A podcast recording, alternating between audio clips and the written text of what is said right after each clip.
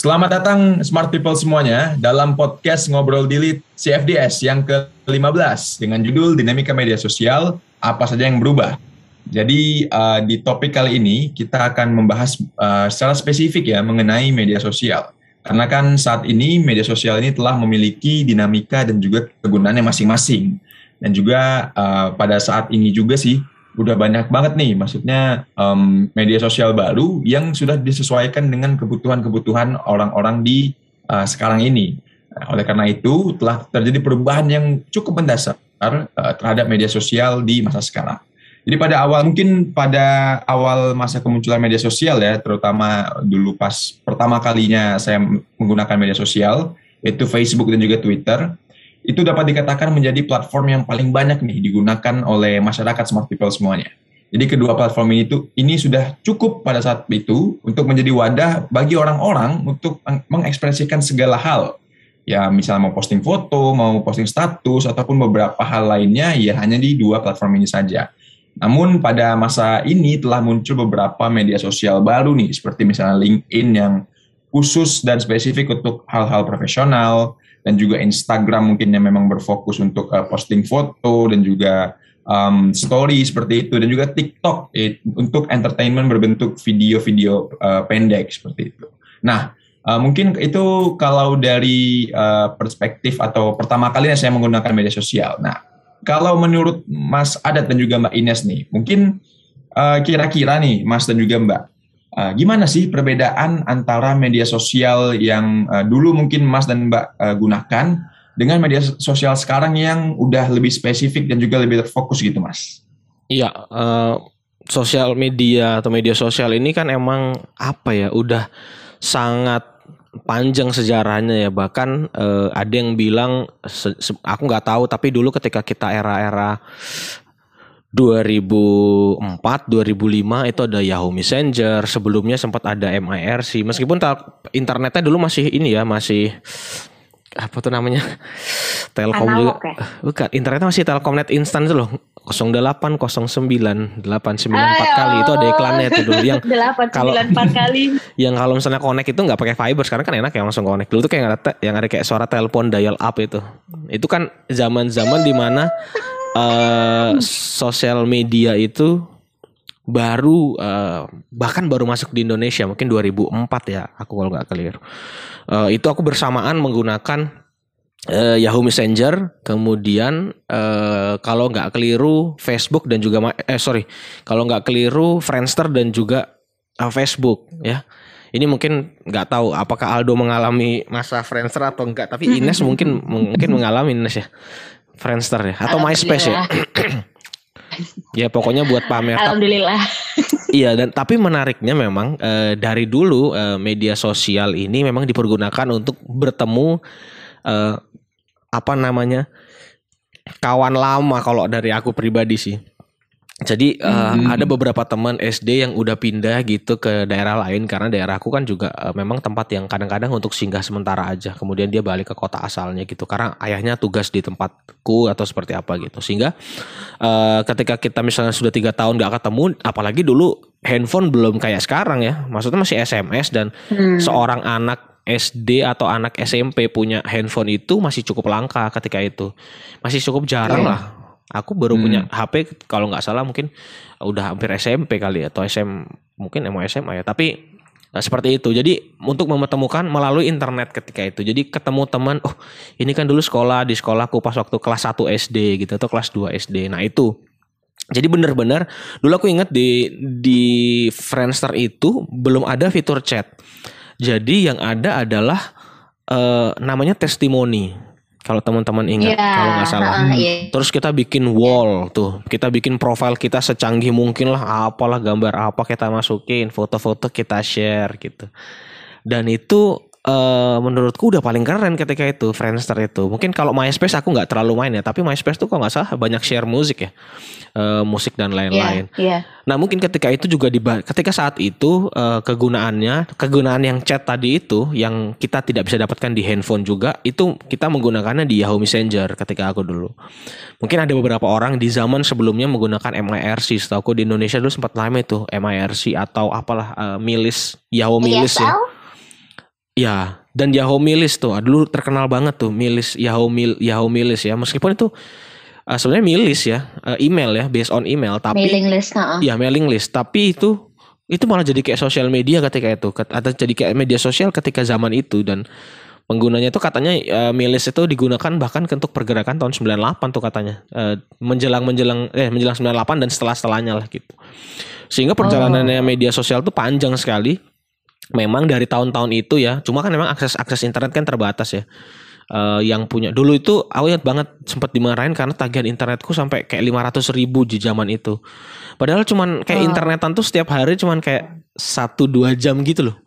Nggak kayak yang sekarang dan itu lima ratus ribu maksudnya mahal banget untuk ukuran tagihan karena tagihannya kan kayak bayar telepon ya dulu kalau nggak keliru internet yeah. sehingga banyak sehingga mungkin itu juga yang menghambat kenapa media sosial tuh tumbuh di Indonesia nah baru setelahnya mungkin eh, nah kalau Ines kalau Ines dulu paling pertama apa pengalamannya ketika menggunakan sosial media itu Aku dulu Friendster sih yang paling pertama. Cuma MySpace aku juga sempat pakai. Oke. Okay. Gitu. Kalau dulu aku tuh dulu profile Friendster aku tuh adalah yang kalau masuk ke profile aku langsung kedengeran lagu musik. favorit aku tahun pasti.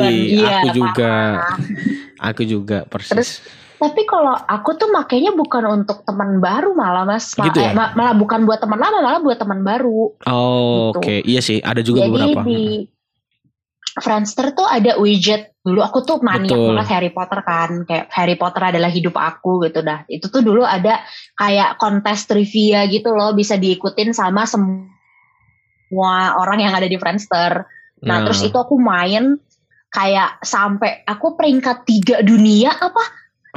Skor aku udah berapa puluh ribu gitu kayak ya aku adalah orang ketiga paling jago tentang Harry Potter di Friendster nah itu dari okay. situ aku ketemu banyak orang gitu Kayak okay. wah kamu suka Harry Potter banget ya kayak gitu-gitu. Oh, oh berarti kamu sampai kenal orang luar juga, Nes?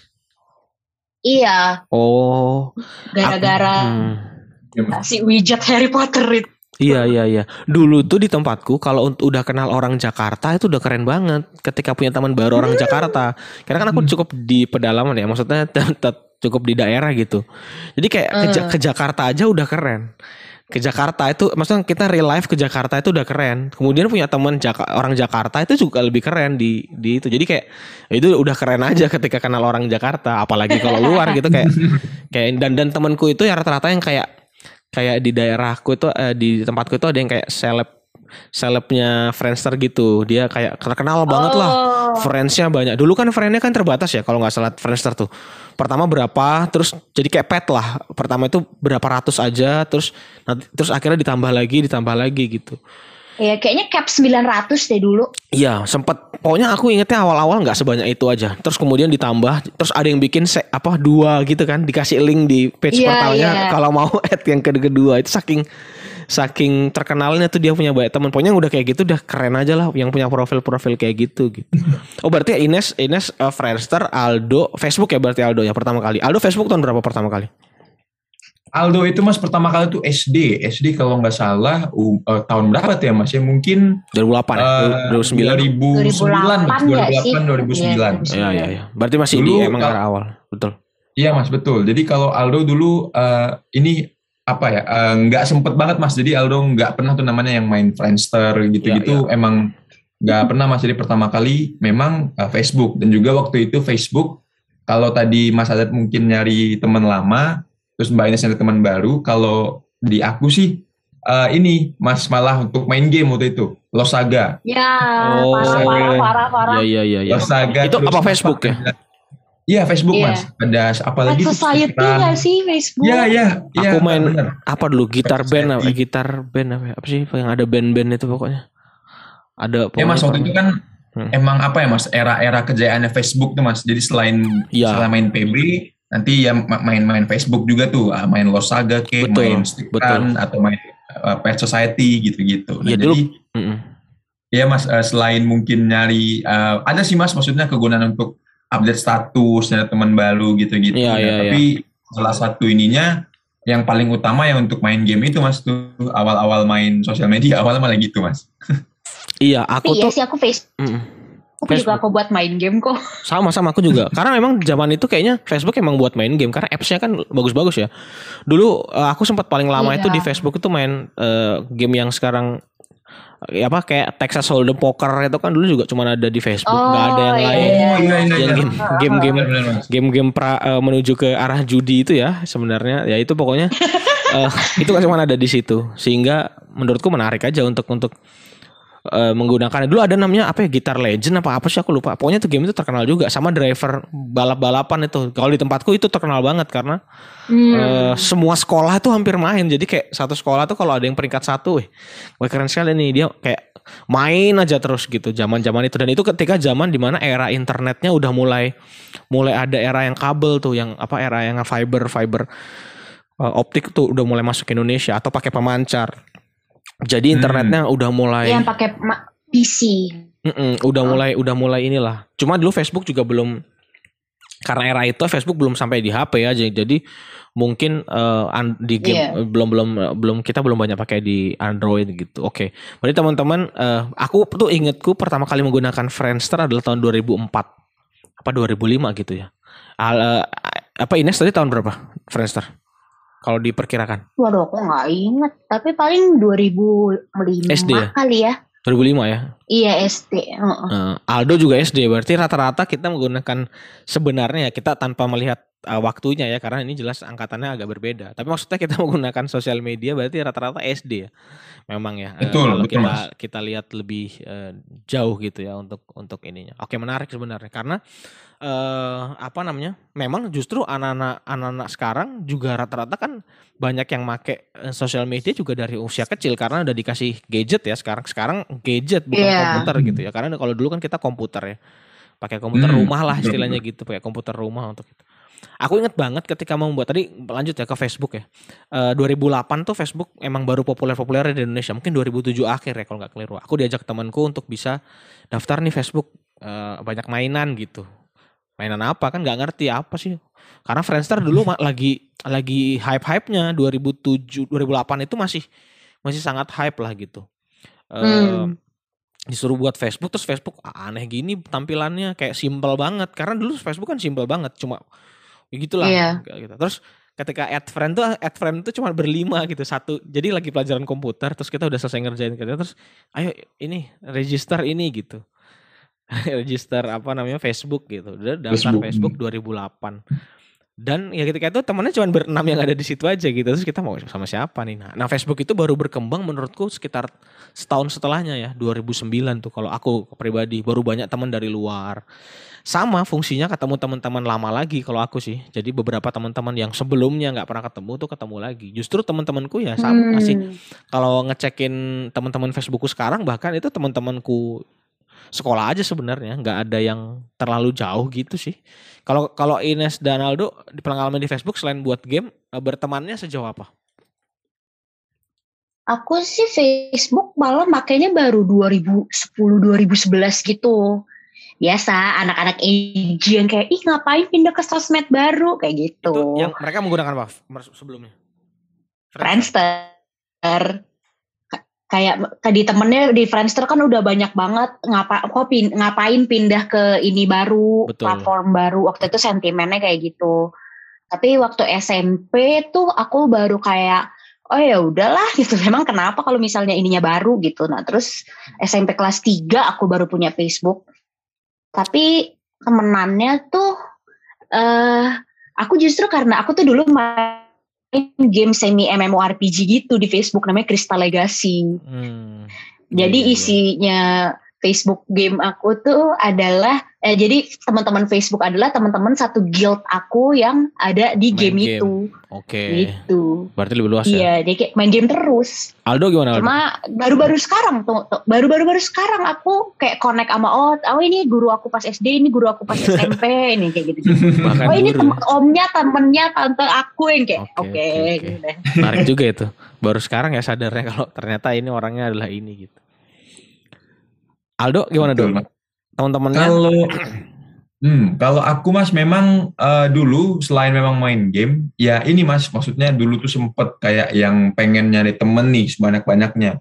kayak sampai ada kan friendsnya dulu temanku ada yang seribu nah dulu kalau aku sendiri sih kayak ngerasa kalah gitu mas waktu itu tuh hmm. wih temanku udah udah udah seribuan nih aku masih 200 300 ya udah habis itu cari-cari teman ya tapi ada beberapa yang emang kenal gitu mas ya, ya. apalagi yang in game kan juga ada tapi salah satu mungkin fitur yang Aldo paling yang aku paling iniin itu uh, posting foto mas waktu itu posting okay. foto di apa di Facebook. Mungkin kan kalau kalau di tempatku ya Mas, misalnya mau cari foto-foto apa bukan foto aib sih, foto-foto lucu atau foto-foto orang pas masih bocah Jadul gitu. Ya. Hmm. Aku jadi dari di, yeah. di iya. Facebook, Facebook Mas. pasti pasti.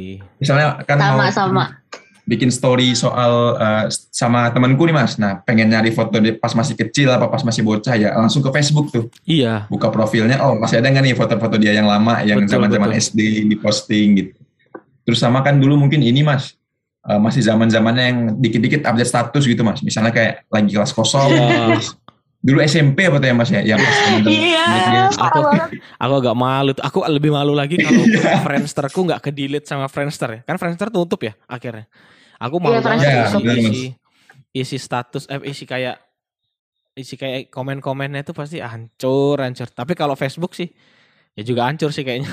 Ya tapi ketika itu itu ketika itu di masa itu ya bagus. Sama betul, menurut, betul, sama menurutku Facebook itu cukup bagus dalam mengelola gambar sebenarnya. Di album foto yeah. itu aku sering nyimpen kegiatan-kegiatan bareng sama teman-temanku itu justru di Facebook biar bisa ngelihat semua terus bisa biar bisa ngedownloadin ngedownloadin masing-masing gitu. Karena karena ya, kan dulu kan kita belum di zaman itu ya mungkin ngirim dari HP ke HP itu kayak masih pakai kopi dong kayak pakai kabel gitu loh ke rumah masing-masing atau pakai pakai USB flash disk gitu. Nah, iya. Nah, um, apa namanya? Menurutku dulu Facebook bisa menjadi perantara untuk kan itu bisa disetting ya siapa aja yang bisa ngeliat atau siapa aja yang bisa ngakses fotonya. Jadi aku ngupload foto banyak. Ingat banget misalnya kita lagi acara apa tuh pentas seni gitu foto-foto bandnya iya, enggak iya. nih ini aja di sini gitu enggak kalau sekarang kan mungkin pakai Google Drive ya atau pakai apalah gitu atau langsung aja sharing di grup WhatsApp gitu download sendiri gitu Nah dulu tuh pakai Facebook aku ingat banget. Jadi itu salah satu jasanya Facebook adalah menjadi album foto. Karena aku ingat banget di Facebookku sekarang album fotonya kegiatan tuh banyak banget. Kayak pentas seni ini terus pentas seni itu tuh, tuh taruh situ karena teman-temanku biasanya pada ngedownloadinnya dari situ jadi aku jadi kayak perantara udah download aja situ daripada aku ngirimin satu-satu gitu sih itu Facebook salah satu hmm. kegunaan yang menurutku uh, cukup dulu diandalkan karena dia bisa uh, sharing foto lah gitu sharing gambar gitu ketimbang uh, Friendster kayaknya lebih private ketika itu mungkin uh, Facebook gitu nah berbarengan ketika era Facebook itu eh, teman-teman mungkin juga mengalami mungkin setahun setelahnya itu era Twitter ya. Nah, Twitter, yeah, kan, Twitter yeah. ini kan platform yang cukup berbeda sebenarnya dengan dengan Facebook. Ketika Facebook mengandalkan gambar ya, uh, update status dan gak, ya mungkin update statusnya sama dan pertemanan. Twitter ini sebenarnya uh, be, agak beda karena dia kayak pendapat aja gitu yang diobrolin. Tapi yeah. interaksinya menurutku lebih dekat ketimbang Facebook gitu karena itu kayak kayak dulu aku sering tuh upload upload upload atau update status tuh upload upload Twitter tuh kayak hashtag NP apa gitu now playing dengerin lagu apa maksudnya gitu terus terus teman-temanku pada hmm. komen ah iya iya iya iya, iya. itu, itu di era itu sangat sangat sering sekali kayak kenapa nih gitu pingin ditanyain aja kenapa nih gitu gitu masang lagu ini kenapa nih gitu uh, nah itu itu yang menarik menurutku ketika ketika era ketika era Twitter. Aldo main Twitter nggak? Sempat main? Main mas. Kalau aku dulu uh, Twitter main itu SMP mas itu. Nah ini harusnya tahun kita sama nih mainnya kalau kalau Twitter nih. Iya, jadi em, pas awal-awal boomingnya 2000 berapa ya? 2012 ya? mungkin 2013. Oh, boomingnya ya 2012. Aku main tapi dari 2009 tuh. Ingat banget aku. Oh, Udah dari 2009 Mas Iya. Soalnya wow. pas, soalnya kayak yang pas apa anniversary itu, aku termasuk salah satu di antara teman-temanku yang cukup pertama pakai pakai itu. Kan ada tuh tanggalnya di itu. Aku kalau nggak salah Mei 2009 deh. Kalau nggak salah ya, tweet pertama aku itu kan ada di ininya ya. Kalau nggak uh. join sense gitu. Iya, tapi memang Twitter itu baru populer ketika aku kuliah di sini ya 2011-an. Uh, itu baru cukup populer. Ini tahun berapa? Main Twitter, main Twitter juga nggak? Main-main, aku main 2010 11 sih. Nah. Iya iya iya. Sepuluh sebelas. Ya, waktu itu tuh drama kayak drama gak tahu dia anak-anak SMP ya mungkin kayak banyak ya. ada aja gitu aku kayak aku pulang sekolah nih kayak nggak ada apa-apa nggak ada dosa apa-apa terus tiba-tiba besokannya datang eh kemarin masa si ini melakukan A B C D E F G terus aku kayak kan kita udah pada pulang sekolah kalian melakukan si di mana gitu loh terus itu oh. kemarin di oh. Twitter aku nggak punya Twitter okay, it took okay. me like a few FOMO, ya? months ya? sampai akhirnya uh, uh, aku kayak ah ya udah deh kayak gue harus punya deh di Twitter kayak yeah, too yeah, much yeah. happen yang gue nggak tahu gitu. Dulu pakai apa namanya? Uber Twitter tuh karena zamannya BlackBerry oh, betul. kan aku snap yeah. tuh snap tuh aku karena pakai karena pakai HP biasa tuh dulu. Pakai pakai Snap tuh kalau nggak kalau nggak kalian ya namanya. Uber kan udah agak pakai BlackBerry ya tuh dulu ya Uber ya? Iya, yeah, Uber tuh ada BlackBerry, ada iPhone yang masih blok sama iPod. Aku aku ingat pakai Nokia masih aku. Nokia dan aplikasi APK-nya itu namanya Snap tuh. Itu udah kayak keren lah zaman itu zaman itu tapi kerennya. Al, al, uh, tweet oke okay, Twitter tahun di kisaran satu yang tahun yang sama ya 2009 sampai 2012 penggunaannya. Nah uh, nah sebenarnya Betul. memperkenalkan tadi Ines cerita bahwa yang yang mau mendorongnya itu adalah teman-temannya. Apakah Aldo juga yang mendorong untuk menggunakan itu teman-temannya? Teman-temannya dong. Kalau kalau Aku iya mas, sebenarnya sama mas sama Mbak Ines. Karena pada saat pertama kali uh, Twitter itu muncul ya mas ya, aku ngerasa apa ya kayak kayak terlalu boring gitu mas. Jadi yang gitu. awalnya Facebook yang ada ada game, ada gambar, ada eh, foto, postingan segala macam, tapi pas di Twitter kok tulisan aja nih gitu. Nih ini aplikasi apa sih gitu? Aku inget banget dulu uh, pertama kali pas waktu pakai BlackBerry apa ya mas BlackBerry Gemini itu dulu SMP kelas 2 apa ya? Iya, iya. Nah, itu jadi um, ya ini Mas jadi memang karena uh, FOMO. Jadi di saat teman-teman lain udah punya Twitter, udah update status yang secara benar-benar berkala banget tuh kan emang di Twitter ya Mas. Iya, iya. Jadi ya karena itu akhirnya oh ya udah deh mau nggak mau ini mau nggak mau uh, up, update eh update uh, pasang aplikasinya ya, ya. Twitter terus ya mulai itu Mas maksudnya bener-bener yang setiap jam sekali kayak lagi bosen nih gitu kan satu satu gitu iya. mas ya ya ya ya aku juga gitu sih lagi iya. lagi jam kosong lagi lagi nggak ada kerjaan nah gitu gitu mas tuh iya di di saat yang bersamaan peran dari Yahoo Messenger yang tadi chat tadi itu sebenarnya kita secara nggak sadar itu digantikan oleh saya Facebook chat itu dulu juga ada ya di Facebook tadi ya kita ada. 2009 tuh hmm. yeah. Facebook itu chatnya menurutku lumayan keren sebenarnya untuk cerita-cerita. Maksudnya itu itu kayak apa ya one stop living gitulah kalau Facebook itu. Bisa upload foto bisa upload status bisa ngirim lagu. Aku inget inget banget tuh. Aku pernah di chat chat itu ngirim lagu. Eh, lagu-lagu ya sorry tapi ya lagu-lagu yang kita download bajakan gitu lah terus kita kirimin ke teman-teman. Uh, dan dan itu perannya sempat tergeser ketika BlackBerry emang booming banget di Indonesia uh, kisaran tahun 2012-an uh, sampai 2000 sebelum Android dan iPhone ya uh, menjadi populer ya di Indonesia gitu. Dan itu itu menurutku titik yang cukup uh, menarik karena hampir semua orang dulu pakai BlackBerry juga gitu ya. Tukar-tukaran pin itu menjadi salah satu uh, apa ya? Dulu tuh kita menggunakan nomor HP ya untuk nanyain uh, eh nomor HP berapa gitu mau kusimpan di kontak gitu.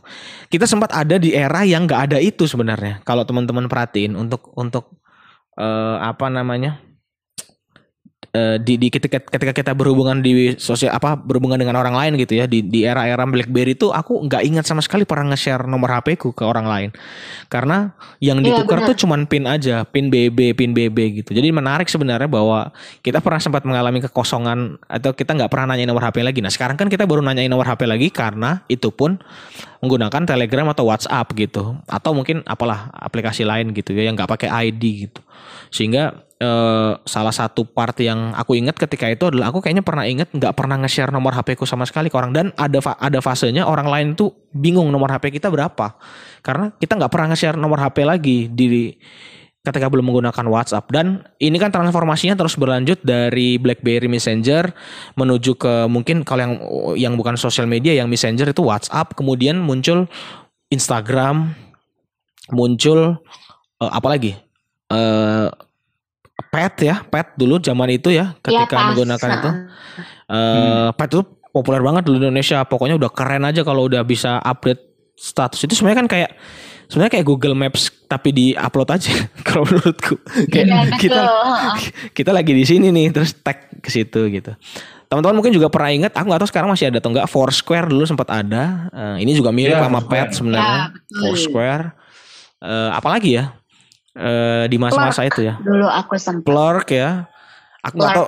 yang bentuknya kayak Twitter tapi timeline. Betul. ASFM uh, ASFM ya. Itu sebenarnya Tumblr itu juga sempat populer. Mirip sosial media juga karena tampilannya dia uh, kayak sosial media sebenarnya ada timeline gitu. Ini ngepost tanggal berapa ini ngepost tapi memang hmm. tulisan panjang rata-rata. Atau nge-retweet nge-retweet Tumblr orang lain. Itu juga yeah, di iya, zaman itu. reblok ya namanya itu juga hmm. ada dan sekarang kita ada di fase atau di era di mana uh, apa namanya sosial media atau media sosial ini uh, semakin spesifik gitu ya Snapchat ketika itu muncul dengan fitur hanya video gitu ya dan uh, punya kam apa ya punya ke pokoknya keren aja digunakannya gitu. Fitur-fiturnya tuh sangat private. Kalau dibaca orang lain cuma bisa sekali. Terus langsung hilang. Tapi uh, persaingan di dunia teknologi media sosial ini juga semakin kenceng gitu karena Instagram secara langsung langsung bikin yang namanya uh, eh, IG story gitu sehingga perkembangannya yeah. juga semakin semakin ini. Nah, uh, menurut teman-teman terutama dengan adanya TikTok sekarang sebenarnya media sosial ini yang sekarang ini sebenarnya justru uh, dibuat semakin spesifik atau justru dibuat semakin general. Maksudnya dia semakin besar gitu cakupannya. Kalau kita kalau aku ngelihat dari Instagram misalnya dan Facebook, ini kan justru cakupannya mereka semakin gede gitu. Mereka ngambil apa aja semua hmm. yang baru-baru mereka masukin gitu. Bahkan hmm. katanya katanya nanti IG lama-lama bisa bisa buat jobs juga gitu. Bisa namanya Instagram jobs hmm. karena karena jokesnya bilang nanti LinkedIn nggak lama diambil juga nih sama Instagram gitu. Itu jokesnya gitu ya. Nah menurut teman-teman hmm. tuh pendapat teman-teman gimana kalau sekarang melihat yang sekarang terjadi? Apakah justru sosial media ini yang laku gitu ya itu semakin yang spesifik atau justru yang emang general aja karena orang pinginnya uh, all in one gitu, cuman pengen pakai satu aja tapi bisa melakukan semuanya. Hmm, menurut aku branding gak sih? Branding. Kayak misal uh, uh, kayak Instagram brandingnya kan kayak beautiful people in beautiful homes yang kayak lifestyle banget. Sementara hmm. LinkedIn tuh brandingnya profesional banget, tapi essentially ya. sebenarnya isinya sama aja. Sama ya? gitu. ya. Hmm, hmm, hmm. Uh, uh, kayak di LinkedIn sekarang juga ada story, terus mereka juga bisa ngepost yang panjang-panjang, foto juga bisa, terus profilnya tuh isinya accolades, uh, bisa taruh gambar juga. Sementara kalau Instagram kan dia main feature-nya gambar-gambar semua gitu. Betul, betul. Tapi pada intinya dua-duanya tuh sama-sama menawarkan hal yang sama kayak misalnya kalau Instagram sama Facebook menurut aku udah nggak bisa di compare ya karena mereka sebenarnya satu, satu ekosistem. ini kan kayak Instagram by hmm. Facebook gitu. Ya ekosistemnya sama betul. kayak Instagram by Facebook gitu. Mm-mm. Jadi kalau misalnya aku ngelihatnya pasti LinkedIn sama Instagram gitu. Kayak Instagram kan ngasih kita uh, social commerce yang baju atau skincare apa yang kita lihat itu yang dikasih kita gitu kan. Nah LinkedIn tuh sebenarnya jualan juga, tapi yang dijual tuh Coursera, terus oh. kayak course-course betul, betul. gitu loh. Jadi sebenarnya sama aja deh, kayak mereka sama-sama apa blogging site juga, ya. tapi yang bedanya adalah yang satu uh, heavy di gambar, yang satu heavy di tulisan, terus sama-sama jualan barang juga ke kita, yang satu jual beneran barang, yang satu jualan course gitu. Oke. Okay. Tapi hmm. kayak hmm. is it general or specific? Menurut aku karena semua sekarang isinya sama aja, jadi makin general nggak sih? Iya. Nah sekarang aku nggak tahu apakah uh, dulu aku yakin teman-teman punya uh, maksudnya FOMO ya fear of missing out uh, menggunakan aplikasi-aplikasi ini. Nah, kalau Aldo sendiri dan Ines mungkin sekarang masih nggak kayak gitu atau justru udah capek karena ini aku ada lagi, ada lagi, ada lagi gitu. Kalau Aldo gimana? Sekarang ya dalam kondisi uh, hmm. usia sekarang uh, dalam menggunakan sosial media itu butuh yang seperti apa sih sebenarnya? Kalau dari aku ya Mas ya, memang uh, fo, kalau apa ya kita ngomongin soal FOMO kayak gitu sih, masih sedikit ada Mas kalau hal, hal seperti itu. Kayak aku itu baru punya LinkedIn itu agak telat Mas sebenarnya, baru punya uh, pas awal masuk CFDS. Kalau okay. eh hmm. iya, kalau nggak salah itu pas pas bukan malah awal Mas, itu pas udah beberapa bulan di CFDS. Jadi kan aku pertama kali masuk Maret ya uh, 2020 Hmm. Terus waktu itu uh, ya ini mas kayak ngeliat-liat orang-orang nih udah pada mulai ini, udah pada mulai update-update di gini-gini-gini di LinkedIn. Akhirnya memutuskan untuk uh, pasang juga nih aplikasi ini LinkedIn. Awalnya tuh ya aku nggak tahu mas nih sebenarnya aplikasi buat apa sih gitu. Terus abis itu lihat-lihat-lihat, oh ternyata memang betul-betul untuk hal-hal yang uh, profesional gitu, mas. Nah, ya. oh uh, akhirnya ya di situ mungkin kita bisa ngeliat kan mas, maksudnya kalau kita nyari orang nih, uh, nyari info mengenai seseorang ya kita bisa lihat background pendidikannya apa dia udah pernah ngambil spesialisasi di bidang apa udah yeah. dapat course yeah. apa seperti itu mas jadi memang um, sebenarnya kalau tadi balik ke pertanyaan mas Adat sebenarnya hmm. kalau dari pandangan aku ya mas ya selain memang tambah umum tapi mungkin secara ini mas kalau aku ngelihatnya terbaginya misalnya Instagram uh, spesifiknya memang konten-kontennya memang yang bersifat uh, entertainment dan hiburan mas misalnya contoh kayak seseorang hmm. liburan ke mana misalnya ke ya, luar ya. negeri atau ke ke Bali posting fotonya di Instagram terus story story misalnya dia lagi ke mana-kemana di Instagram yang bersifat lebih uh, casual gitu mas lebih lebih lifestyle hmm. tapi kalau misalnya di LinkedIn ya memang uh, sama seperti Instagram tapi ya fokusnya misal nih uh, ada orang yang keterima beasiswa gitu mas jadi uh, nge-share kayak uh, story dia dari awal kok bisa dapat beasiswa ini terus juga ada juga hmm. mungkin yang um, apa kalau kayak temanku ada misalnya yang kayak uh, menceritakan pengalaman dia magang atau yeah. pengalaman dia bekerja di mana gitu. Jadi mungkin selain jadi general secara apa ya, secara konten mungkin ya Mas lebih uh, spesifik juga sih uh, gitu Mas ya. kalau dari okay. ya kalau secara konten yang ya. Istilahnya yeah. bisa-pisah gitu Mas. Ines sesuai Ines? dengan ya. Kalau ya, Ines sama sih sama Aldo. Mm, sama ya. Kalau misalnya kayak aku juga begitu soalnya kalau misalnya aku baru nggak uh, aku kalau misalnya aku baru liburan ya aku pasti akan taruh di Instagram. Hmm. Cuma kalau aku baru nulis buat CFDS kayak aku taruhnya di LinkedIn dulu, baru habis itu aku taruh di Instagram. Karena aku pakai Instagram buat personal branding juga sih. Jadi okay. kalau aku aku seamlessly uh, apa ya kayak mix together gitu loh. Cuma rata-rata orang biasanya nggak kayak gitu. Hmm, betul. Ya tapi itu juga karena sekarang juga Instagram juga sangat bisnis kan, sangat bisnis oriented. Jadi menurutku sangat tepat ketika menggunakan Instagram juga sebagai apa ya ajang personal branding lah gitu untuk menunjukkan persona pribadi karena menurutku kalau di link as, tapi ini ini ya mungkin bentuk apa ya kayak ya ini nyinyirnya aja tapi kalau menurutku kalau di LinkedIn sekarang hmm. akhirnya jadi sama-sama aja orang maksudnya eh uh, ya bedanya kamu me, kamu apa namanya branding dengan intelektual aja gitu di di di yeah. apa yeah, di bener. Setuju di LinkedIn gitu jadi kayak kamu kerja di mana itu juga memberikan uh, gambaran juga ke orang lain bahwa oh orang ini tuh kerjanya ini, orangnya tuh kerjanya ini. Meskipun ya beberapa saya tahu juga sebenarnya orang ini tidak gitu-gitu amat bekerjanya misalnya begitu. Tapi itu berarti berarti uh, ini ya tergantung kebutuhannya menggunakan sosial media mana. Karena aku pribadi sebenarnya terutama setelah kehadiran TikTok itu yang ini era besar yang baru ya TikTok itu maksudnya dulu yeah. dulu, iya. dulu kita menganggap aplikasi-aplikasi semacam TikTok ini aku pribadi ya itu aplikasi yang sangat alay sekali, sangat ya, norak gitu. Betul. Karena dulu kan ada, aku ingat ada apa ya namanya? Ya? Aduh, ada aplikasi-aplikasi yang sebelum TikTok lah pokoknya.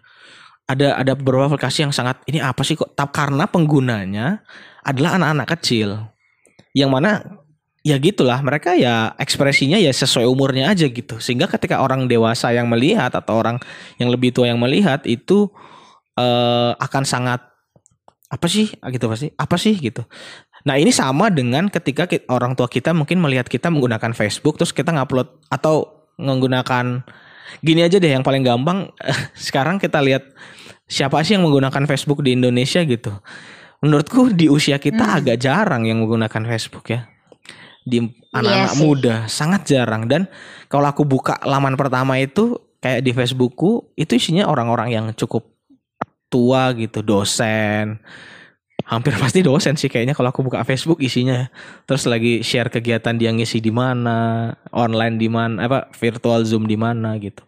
Sehingga memang menurutku ada ada batasan-batasan sekarang kalau misalnya atau ada ada kecenderungan kita melihat itu teknologi baru itu awalnya kita melihat ini apa sih kok anak-anak kecil yang main gitu kayak kayak kayak gitu. Nah ini di, di kalian muncul nggak eh, ta- anggapan-anggapan semacam ini ketika melihat yang lebih mudah menggunakan aplikasi-aplikasi baru, terutama di media sosial. Gimana dok? Kalau di aku sebenarnya iya mas, kalau boleh jujur tuh awal-awal banget TikTok tuh muncul, ya sama sama banget nih sama apa yang kayak Mas Adat bilang tadi. Kayak ngerasa misal nih kayak ada anak-anak kecil yang pada ini bukan TikTok sih maksudnya aplikasi-aplikasi baru lah ya mas ya. Ya. Ya, emang kayak eh, mikirnya kayak oh nih apa sih nih misalnya kalau rada-rada gimana ya mas misalnya kalau yang yang kebanyakan usernya mungkin anak kecil oh berarti ini mungkin aplikasinya bukan eh, buat aku nih gitu misalnya Ya, gitu ya. mas jadi ada mas maksudnya masa-masa seperti itu tuh ada tapi mungkin nggak tahu ya mas misalnya udah mempelajari lebih lanjut oh ternyata ada fitur-fitur ini gitu. Oh mungkin bisa bisa jadi pasang juga gitu. Ya, tapi kalau misalnya awal brandingnya udah kayak banyak yang make kayak gitu ya mungkin mikir-mikir juga mas. Eh, ini kayak ya gimana ya istilahnya mau masang tapi ada nggak sih kira-kira eh, kegunaannya gitu? Jadi lebih mungkin mikir ke situ sih mas. Oke, oke. Nah sekarang Kalau ah, Ines gimana? aku malah literally aku sampai detik ini belum pak nggak punya TikTok, belum pakai TikTok dan nggak akan download juga tuh kayaknya dalam unforeseeable future karena Hmm, dulu ingat gak sih sempat ada fenomena si Bo Bo Alpenliebe itu bawa apa yang? Betul. apa dia charge eh, berapa ratus ribu eh, ser- Iya. eh, pokoknya Untuk berapa pertemuan ratus ya, ribu untuk catering, catering. eh, meet and greet Meet and gathering gitu. Kayak namanya apa sih dulu? News gathering dulu namanya. Ya, Nah, news betul. aku tuh nggak suka banget dengan itu. Kayak Hmm, nggak suka banget. Bener-bener menurut aku aneh aja kayak lo lo bukan artis gitu. An- anda bukan artis. Iya, iya. jadi jangan melakukan itu menurut aku. Dan ben- sebenarnya bukan masalah kayak seleb apa gimana ya tapi yang menurut aku agak nggak masuk akal adalah waktu itu tuh skema pembayarannya menurut aku aneh. Hmm. jadi si Muse Gathering ini membuka suatu quote-unquote meet and greet nge-charge kayak oh kalau ket- ketemu doang 100 ribu terus makan bareng 500 ribu Ya, ya, terus ya. abis itu kayak makanan ditanggung oleh si apa namanya ya, ya pokoknya intinya kayak ekstorsi fansnya banget deh menurut aku Iya, iya, iya. iya. sehingga hal itu membuat aku ngerasa kayak wah yang gini-gini nih ini nggak boleh didukung nih kayak gitu jadi sampai detik ini pun aku belum punya TikTok nggak punya TikTok dan kalau diajak suruh joget-joget bikin TikTok aku masih kayak nggak mau gitu Hmm, oke. Iya iya iya. Sam, aku sebenarnya em, Nah ini aku mendo, mendo, mendo- karena emang orangnya mungkin juga masih FOMO ya, jadi masih mengikuti semua aplikasi yang ada walaupun terlambat ya kayak TikTok itu aku baru download untuk ngelihat apa sih gimana sih cara bekerjanya TikTok gitu dan memang beberapa konten di TikTok menurutku menarik juga untuk disimak gitu. eh apakah joget-jogetnya, apakah video edukasinya itu menurutku juga cukup menarik untuk diikuti gitu. Tapi memang untuk terlibat untuk meng- untuk membuat postingan, nah itu aku udah kayaknya udah enggak. Bahkan di Instagram aja aku pribadi tuh udah nggak pernah ngepost foto setelah setelah mungkin setahun lebih ya foto gitu. Tapi Insta Story masih sih. Gitu. Jadi kayak udah males Hmm. aja di fase males untuk menggunakan media sosial untuk yang eh, begitu gitu melakukan postingan dan lain-lain. Mhm. Ini mungkin preferensi kita kita juga ya. Tapi ada beberapa orang yang memang menjadikan postingan mereka atau eh, TikTok mereka tadi sebagai cara untuk mencari uang. Nah ini ini sisi lain Ya. dari media sosial. Tadi kita di awal kita Hmm. bilang kita mau bertemu teman, mencari teman, bermain game gitu ya di dalam sosial media. Nah sekarang ini bisa untuk jadi cari uang gitu. Aku nggak pernah kebayang aja bahwa media sosial ini bisa menjadi eh, apa ya uh, tadi mungkin Ina sempat bilang bahwa sebagai arena dia personal branding, personal brandingnya dia sebagai apa gitu, dan bisa jualan gitu. Maksudnya dia bisa jadi yang namanya influencer atau endorser satu produk gitu, dan ah. itu dibayar. Ah, iya iya iya. dan itu menurutku adalah sebuah uh, kemajuan dari media sosial itu sendiri yang dulu fungsinya mungkin bukan fungsi bisnis ya. Makanya Instagram juga akhirnya bergeser ke bisnis ya karena mungkin Alasannya hmm. itu juga karena penggunanya banyak yang menggunakannya sebagai arena bisnis gitu. Dan ini menurutku menarik karena banyak sekali, mungkin ini akan beda di mana pun ya. Di Instagram mungkin ada yang namanya influencer untuk produk-produk gitu atau endorser produk-produk. Di Twitter ada influencer yang memang dia expert di bidangnya. Tapi jangan salah itu pun juga dari dulu udah ada yang dibayar untuk mengeluarkan tweet itu dalam sat hmm. dalam salah satu blog uh, dalam salah satu videonya gitu ya uh, kalau teman-teman tahu Soleh Solihun gitu salah satu stand up comedian dia dia pernah dibayar 40 juta untuk satu tweetnya gitu atau 30 berapa puluh juta gitu untuk mengeluarkan beberapa tweet hmm? tentang product placement gitu tapi dibuatnya sebagai tidak product placement tapi kayak dia menceritakan pengalamannya dia aja tentang produk itu. Dan itu dibayar sebesar itu. Di zaman itu di 2011 2012 ya aku nggak tahu kalau sekarang industrinya seperti apa lagi gitu untuk influencer. Nah menurut teman-teman sebenarnya kehadiran influencer ini mengganggu nggak sih eh, kegunaan dari media sosial itu sendiri? Karena sekarang kita ngelihat mungkin eh, dulu kita melihat oh ini ada yang orang nge-share foto liburannya gitu. Kok sekarang jadi kayak foto apa ya nge-share makanan macam-macam lah semuanya diambil gitu. hmm. gitu semua produk diambil uh, apakah hmm. ini menurut teman-teman gimana apakah ini cukup baik atau justru enggak gitu di berbagai macam platform ya tentunya ya tidak hanya di Instagram aja hmm. Aldo mungkin kalau dari aku ya mas uh, selama apa ya selama mungkin uh, konten-konten atau uh, hal yang diproduksi oleh influencer ini positif ya kalau uh, tapi secara keseluruhan mas kalau pribadi menganggapnya ada uh, dampaknya uh, positif kayak maksudnya kan kalau pas awal-awal pandemi apa ya mas ya banyak uh, influencer juga kan yang uh, menggerakkan tuh mas kayak uh -huh. apa dana apa mari kita donasi untuk um, covid dan segala macam gitu Nah, kalau misalnya di hal-hal yang seperti itu untuk menggerakkan followersnya mungkin itu sesuatu hal yang positif, Mas. Tapi kan kalau kita lihat juga sisi-sisi negatifnya, terkadang ada beberapa influencer yang kalau aku perhatiin ya, Mas ya, ya. misalnya dia nge-endorse tapi dia tidak uh, melihat uh, legit apa enggak sih ini produk yang di-endorse. Yang penting okay. duitnya masuk, mm-hmm. dia uh, make aja, ya mungkin bisa jadi ini ya, Mas kayak ngasih uh, apa trial gitu di videoin, diapain, tapi mungkin dia nggak tahu nih mas apakah ini produknya ada BPOM-nya ataukah memang aman ataukah memang ada efek sampingnya. Hmm. sehingga kan ada beberapa kasus juga yang sering aku dengar ya ini mas. Maksudnya bermasalah di hal itu. Jadi seandainya nanti followers dia beli terus ternyata zong produk yang didapat entah nanti muncul ruam-ruam misalnya di kosmetik ya mas. Muncul ruam-ruam atau muncul alergi dan beberapa efek samping lainnya, ya dia langsung marahnya ke influencer ini mas, sampai akhirnya bikin klarifikasi hmm, iya, gitu. Iya, iya. Oh iya, kejadian itu. Maaf ya. guys, ah, dia mas, maaf guys, aku nggak tahu nih gini hmm. gini gini. Iya, iya, iya. Nanti ini jadi pelajaran juga untuk ke depannya kan pasti kayak gitu terus tuh mas. Hmm. Ya mungkin bisa bisa lebih melihat um, apa kualitas produk yang aku endorse gitu. Jadi ya kalau menurutku sih mas, selagi hal-hal uh, secara ini ya mas, secara untuk menggerakkan followersnya untuk ke hal-hal yang positif, mereka bisa banget mas sebetulnya. Ya balik lagi nih, tergantung ke influencernya, apakah memang yang pure untuk produksi konten kreatif atau mungkin ada beberapa juga kan mas yang memang ada drama-dramanya gitu mas, yang uh, ada hal-hal negatif juga lah mungkin ke beberapa followersnya gitu akhirnya. Kalau dari aku sih seperti itu mas, yang ngelihatnya. Hmm, Ines gimana? Kalau ngeliat influencer-influencer sekarang?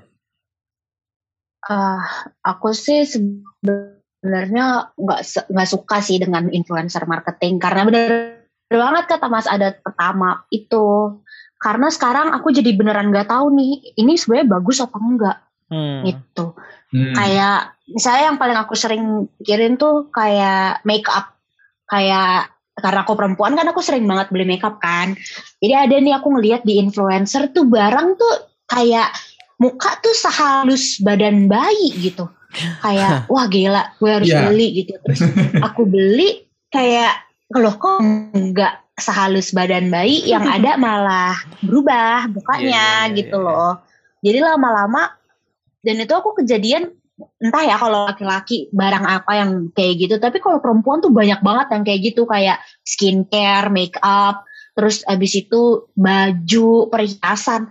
Itu kalau misalnya dipakai influencer kayak wah gila ini bagus banget guys. Kulit aku mulus banget guys. Tapi abis itu pas datang ke aku tuh kok nggak seperti yang di advertise gitu.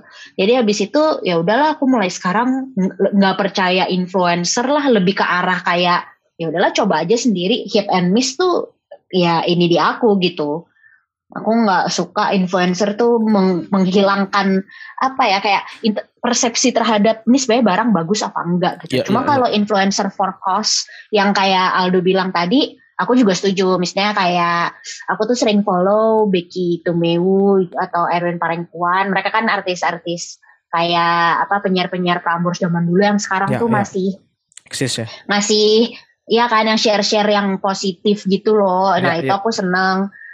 Jadi ingat gak sih di dua epi, berapa episode yang lalu itu ngomongin platform donasi daring Hmm. kayak yang nggak endorse eh, bencana alam di NTB betul, betul. itu tuh.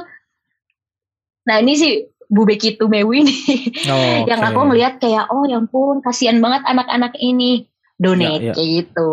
Betul betul.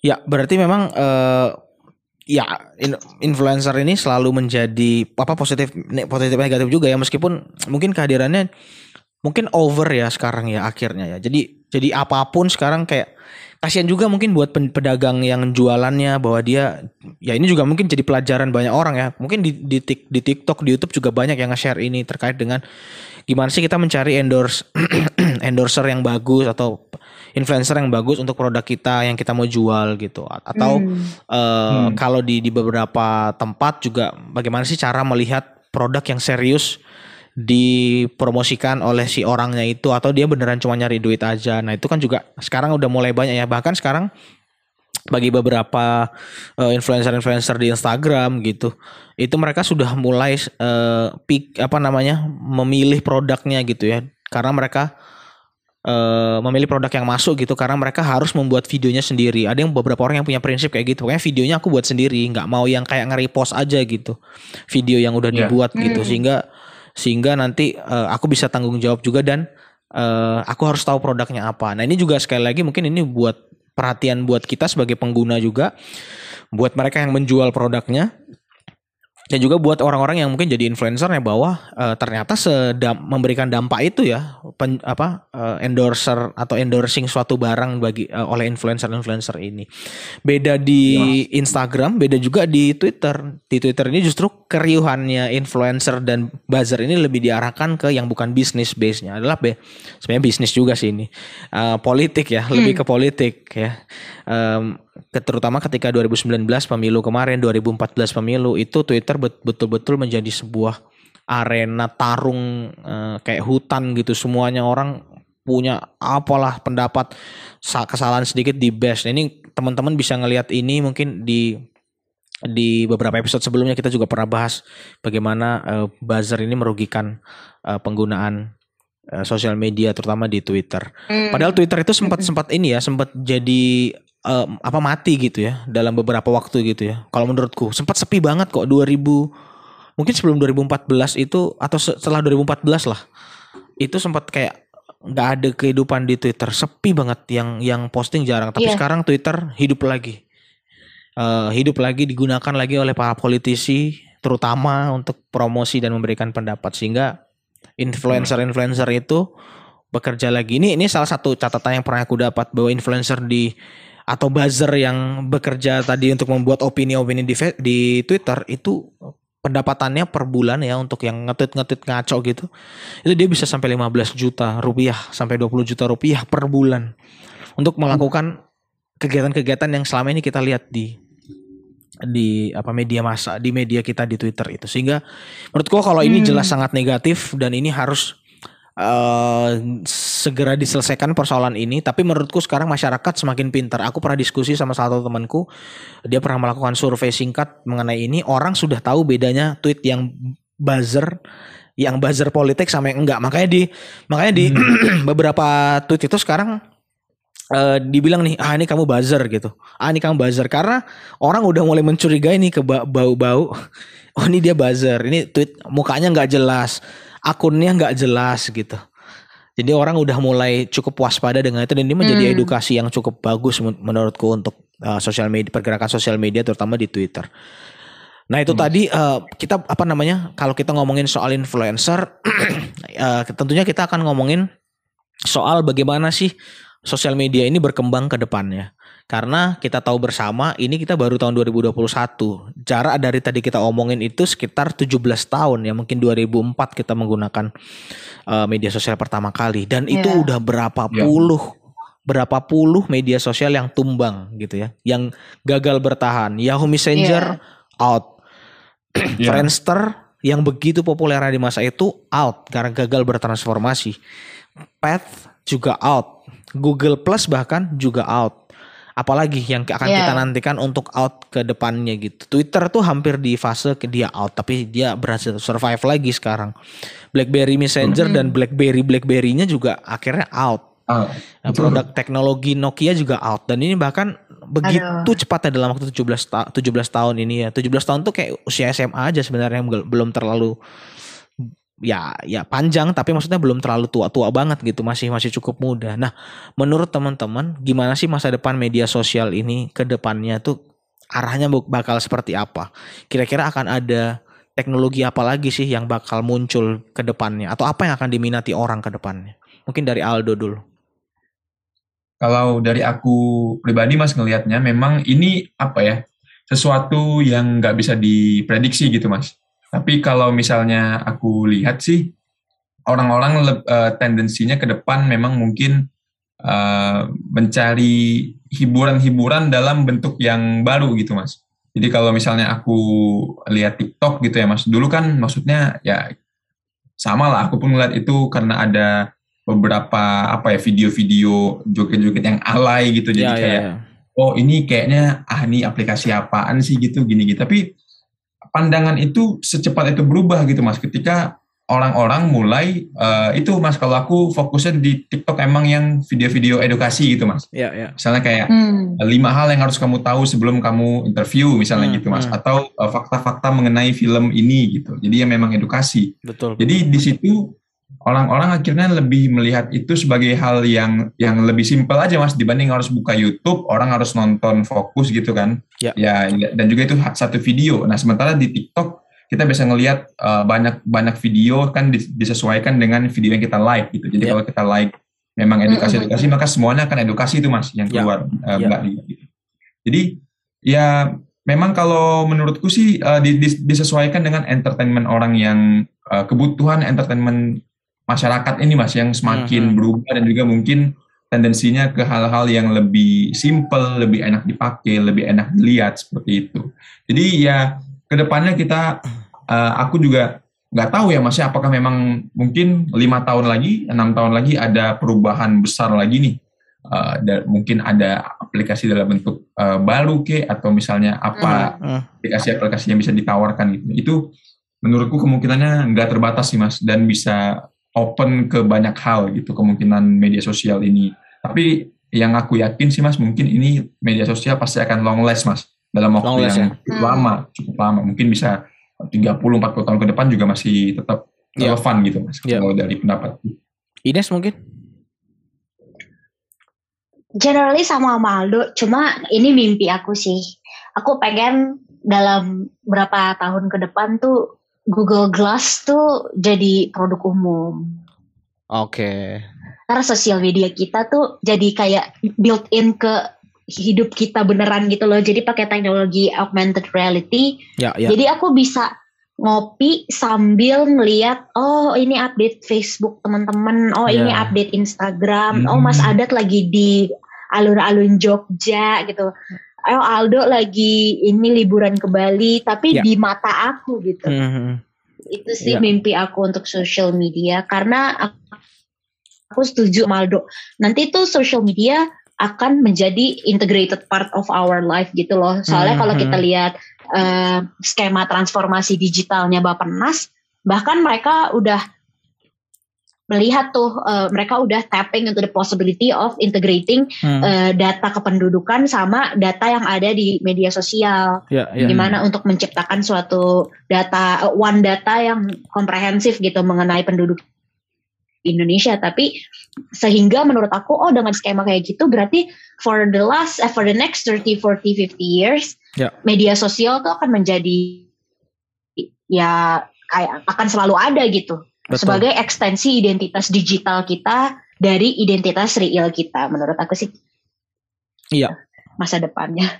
Ya menarik banget. Betul. Mungkin uh, teknologi augmented reality uh, kemudian VR ya AR VR mm -hmm. kemudian virtual reality augmented reality ini akan menjadi masa depan sosial media juga karena uh, aku sih selalu gini melihat beberapa film yang terlalu modern di saat ini aku ngebayangin itu akan jadi biasa aja nanti di ketika kita nonton film itu suatu saat gitu. Jadi kan kita banyak nonton film yang kayak keren gitu.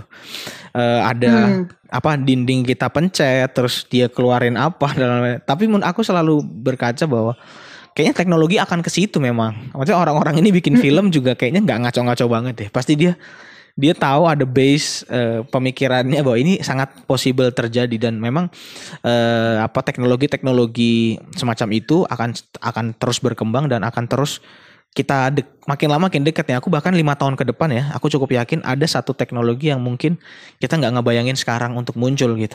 Kayak mungkin teknologi yang hmm. bahkan kita nggak kepikiran apa gitu sekarang teknologi itu dalam lima tahun ke depan aja secepat itulah perkembangan teknologi itu akan berubah.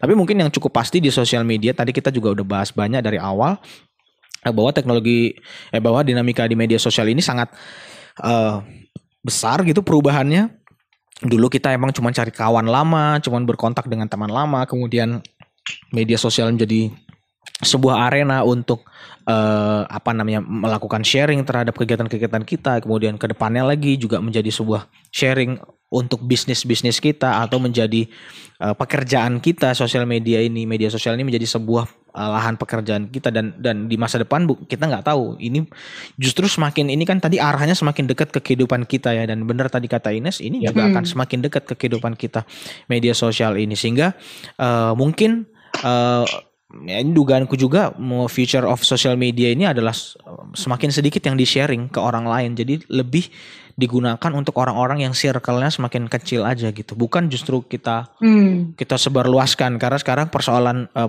data privacy juga semakin tumbuh sehingga orang akan cukup aman dan nyaman ketika yang yang menikmati sosial medianya. Ini secara keseluruhan ya. Uh, hanya segelintir-segelintir orang dari teman-teman karena efek dari sosial media ini kita tahu juga cukup uh, berbahaya gitu sehingga uh, ya ini akan menjadi perjalanan panjang dari media sosial yang terus bertransformasi dan semakin cepat transformasinya teknologinya gitu sehingga kita tunggu aja nih. Mungkin nanti kita lima tahun lagi kita bisa ngobrol lagi di episode yang sama gitu tapi kita dengan bahan yang bahan yang berbeda gitu. Hmm. mungkin seperti itu. Ya. Um, baik.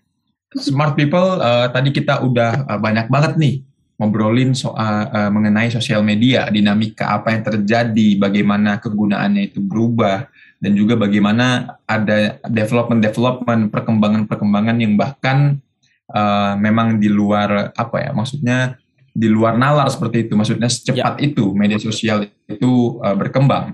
Jadi uh, smart people semuanya, terima kasih sudah mendengarkan uh, podcast ngobrol di CFDS episode kali ini. Semoga membawa manfaat uh, terhadap smart people semuanya dan juga semakin um, bijak lagi, semakin baik lagi, semakin uh, bagus lagi untuk uh, istilahnya bermain sosial media. Dan kita tunggu lagi nih, apa kira-kira update-update terbaru atau hal-hal inovasi terbaru yang akan dikeluarkan oleh sosial media dalam beberapa tahun ke depan. Baik, uh, sekian dari kami. Terima kasih banyak Smart People semuanya. Uh, sampai jumpa di episode podcast Ngobrol di Lead selanjutnya. Bye-bye. Bye. Bye.